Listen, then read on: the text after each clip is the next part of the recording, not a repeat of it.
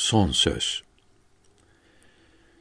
Kitabın başından buraya kadar yazılanlardan anlaşılıyor ki dinde reformcu sabit bir görüşe ve ilmi bir kanaate sahip değildir.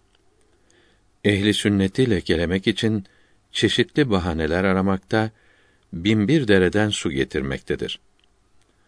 Mason olan hocasının kurnaz siyasetini kullanarak ve ana dili olan Arabi kitaplardan gelişi güzel misaller toplayarak ve uzun tercümeler yaparak kendisini din alimi olarak tanıtmaktadır.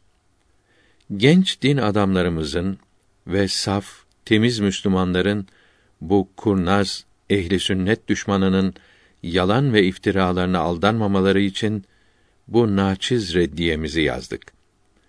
Din adamı bölücü olmaz adını verdiğimiz bu kitabın hülasası ve gayesi ehli sünnetin dört mezhebinin ayet-i kerimelerden ve hadis-i şeriflerden çıkarılmış olduğunu bildirmektir.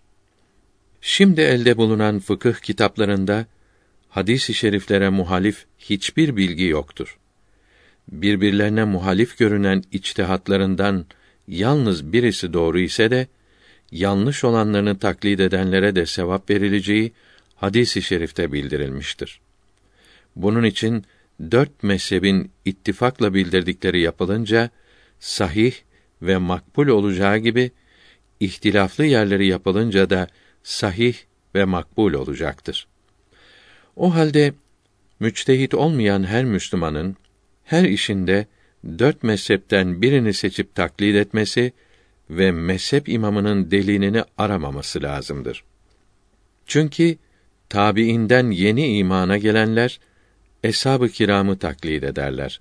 Delillerini hiç sormazlardı. Her Müslüman beğendiği, seçtiği mezhebin her meselesini yaparken Kur'an-ı Kerim'e veya hadis-i şerife uymakta olduğuna inanmalıdır. Bugün müçtehide de lüzum kalmamıştır.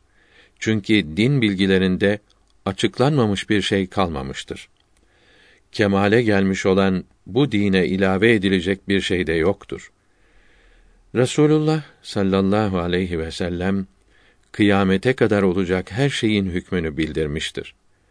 Mezhep imamları da bunları açıklamıştır.